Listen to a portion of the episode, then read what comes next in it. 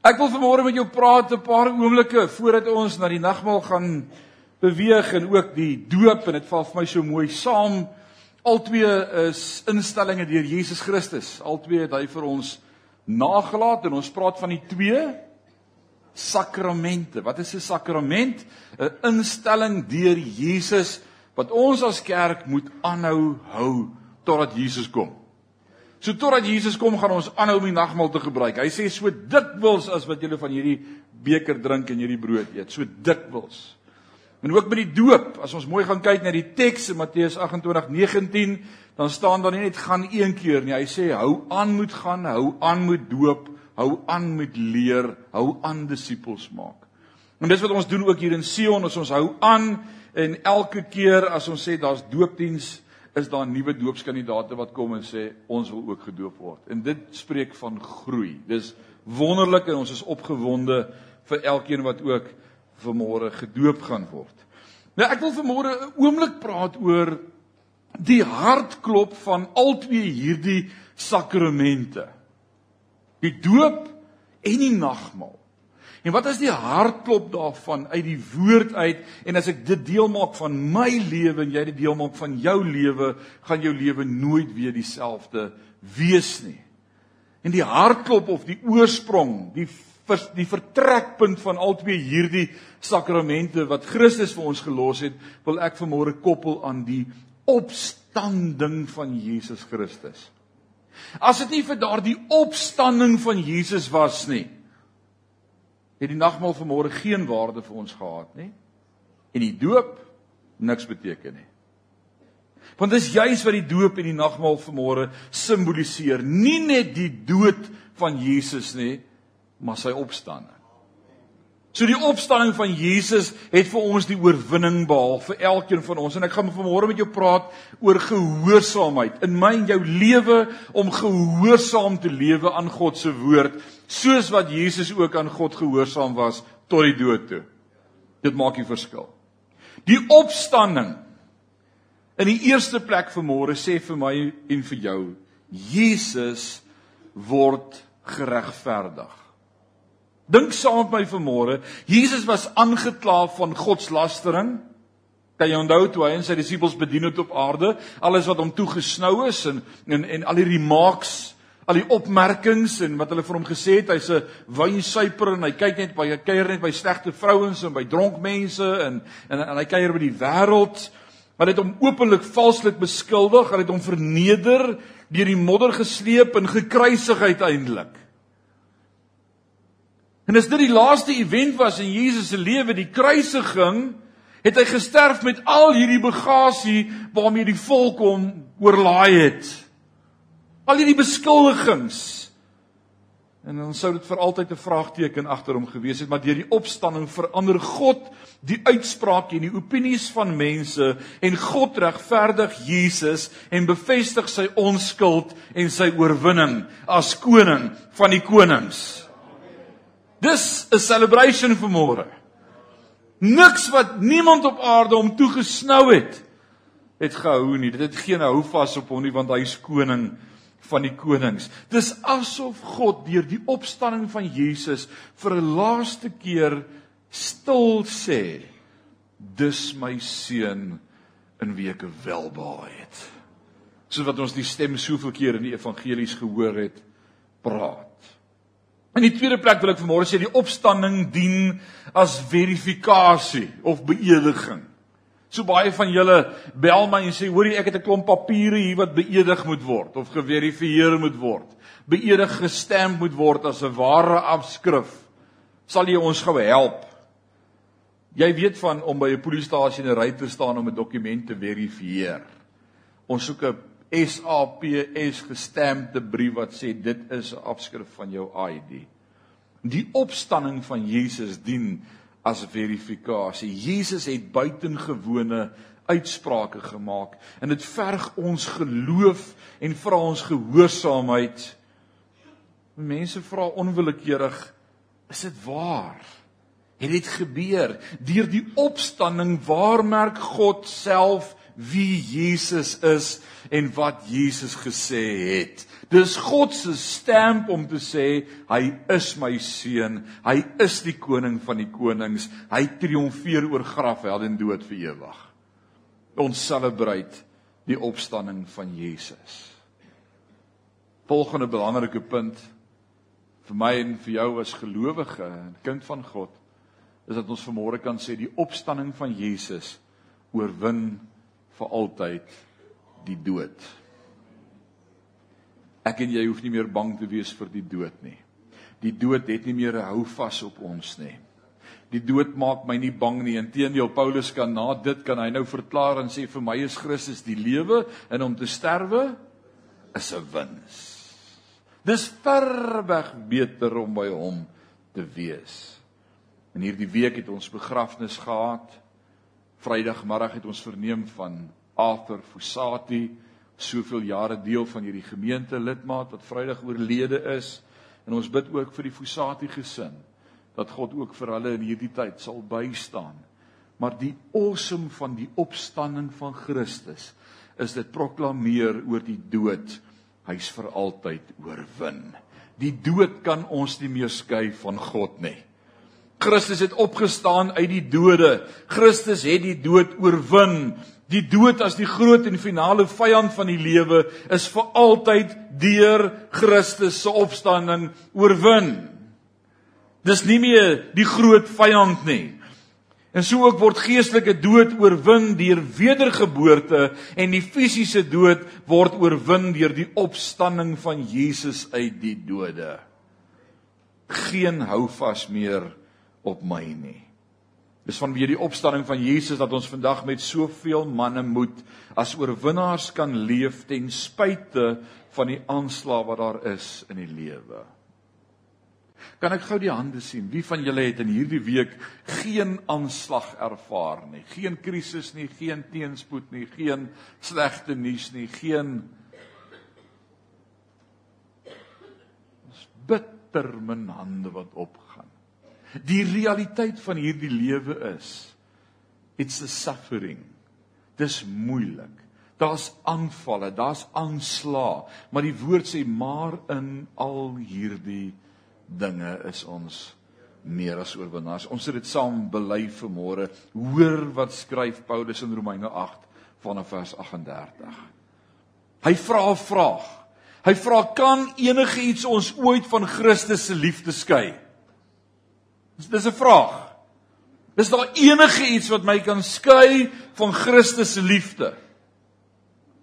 Sal dinge soos lyding of benoudheid of vervolging of honger of koue of gevaar of selfs doodsdreigemente dit regkry om ons te skei van sy liefde?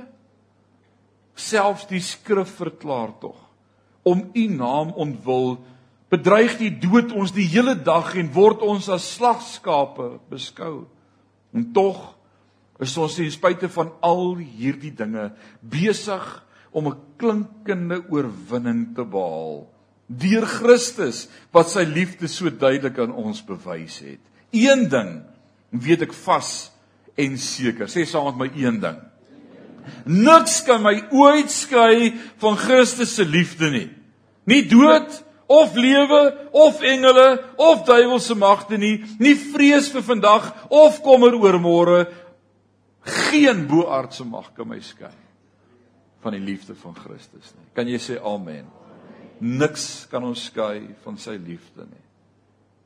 En daar is soveel dinge wat teen ons mag aanstorm, krisisse wat ons moet beleef. Paulus het dit 'n paar genoem in hierdie vers. Die omstandighede kan self so vel wees dat hy in vers 36 gesê het ons word gereken as slagskape.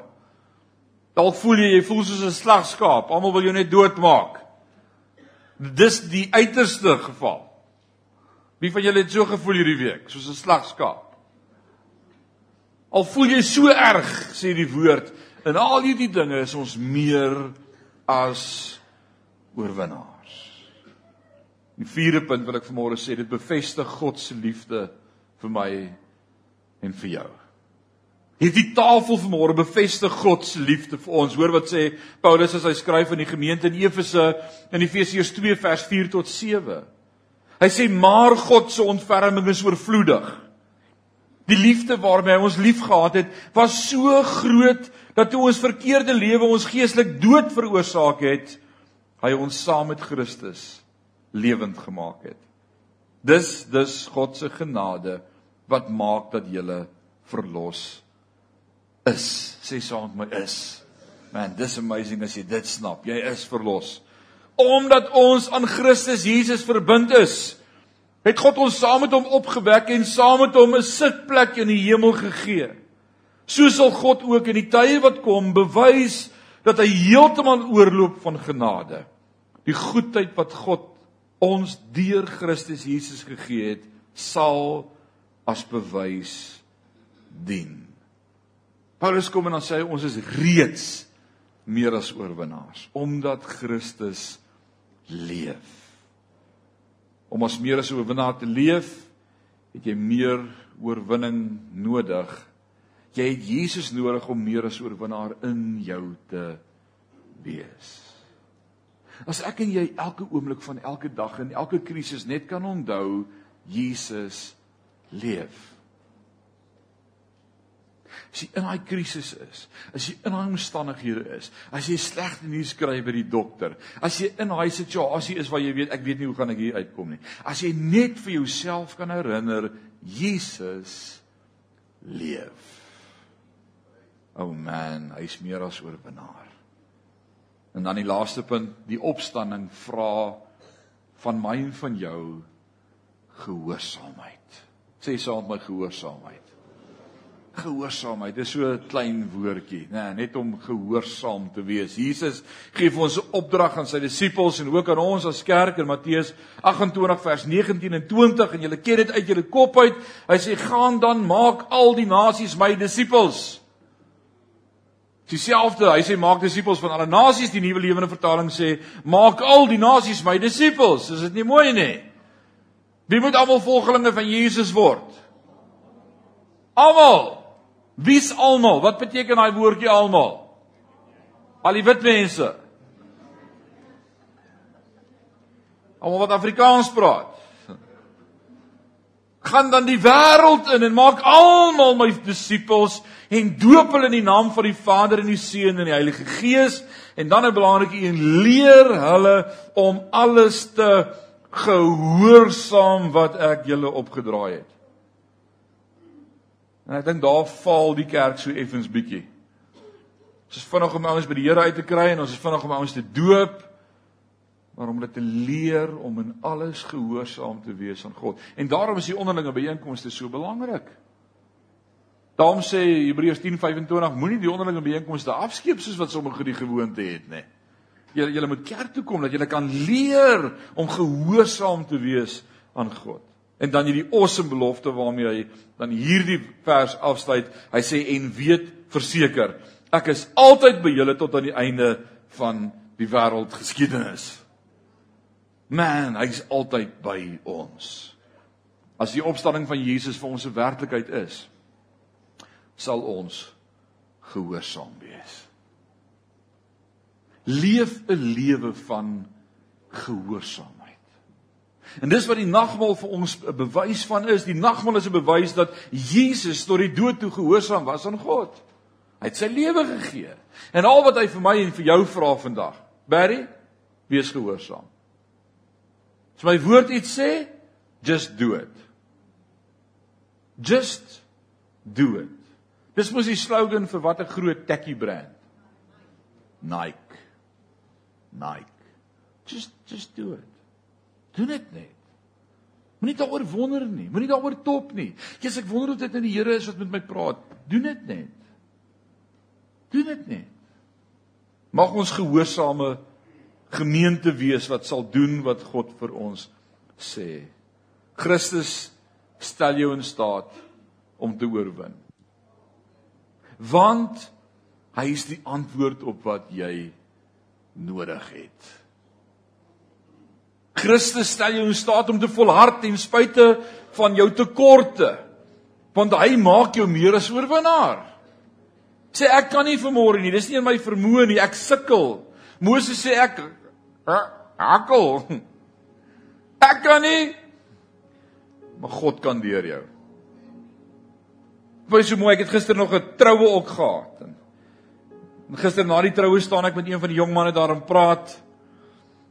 En hy sê vir my, "Ek wil gou net getuig oor wat so 3 weke terug gebeur het." Ek sê, "Vertel vir my." Hy sê 3 weke terug is daar 'n rep wat iets kom rep by hom en hulle staan en gesels en praat, praat, praat en en iewers sê die rep vir hom eers maar Hulle het nou agterkom haar heupe is skeef, sy loop skeef.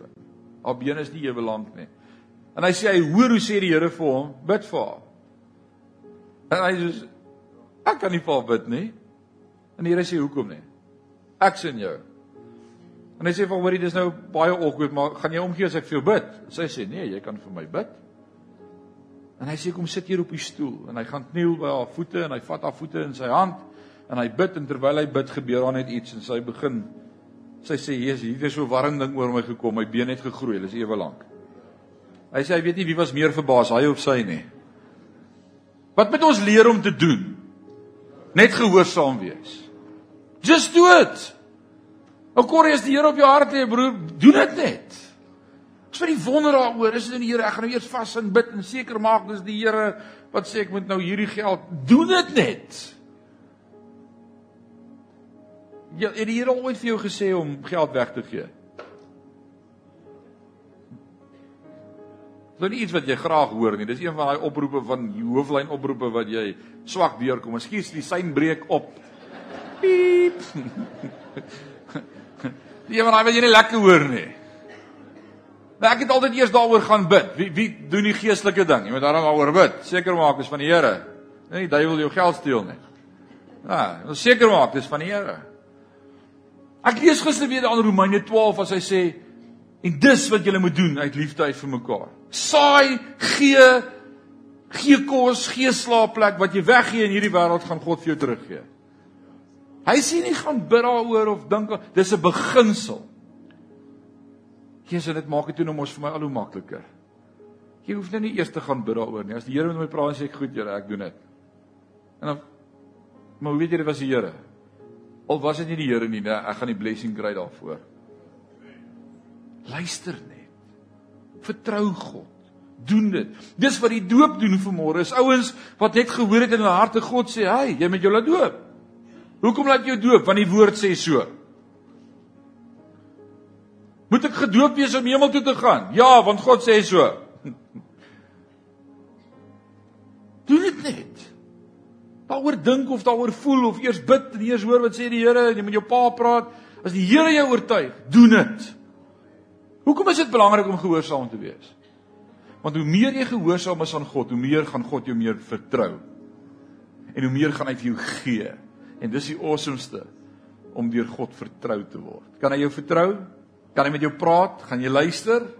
Dis wat die nagmaaltafel vanmôre vir ons sê. Jesus herinner ons daaraan. Ek het dit gedoen. Jy kan dit doen.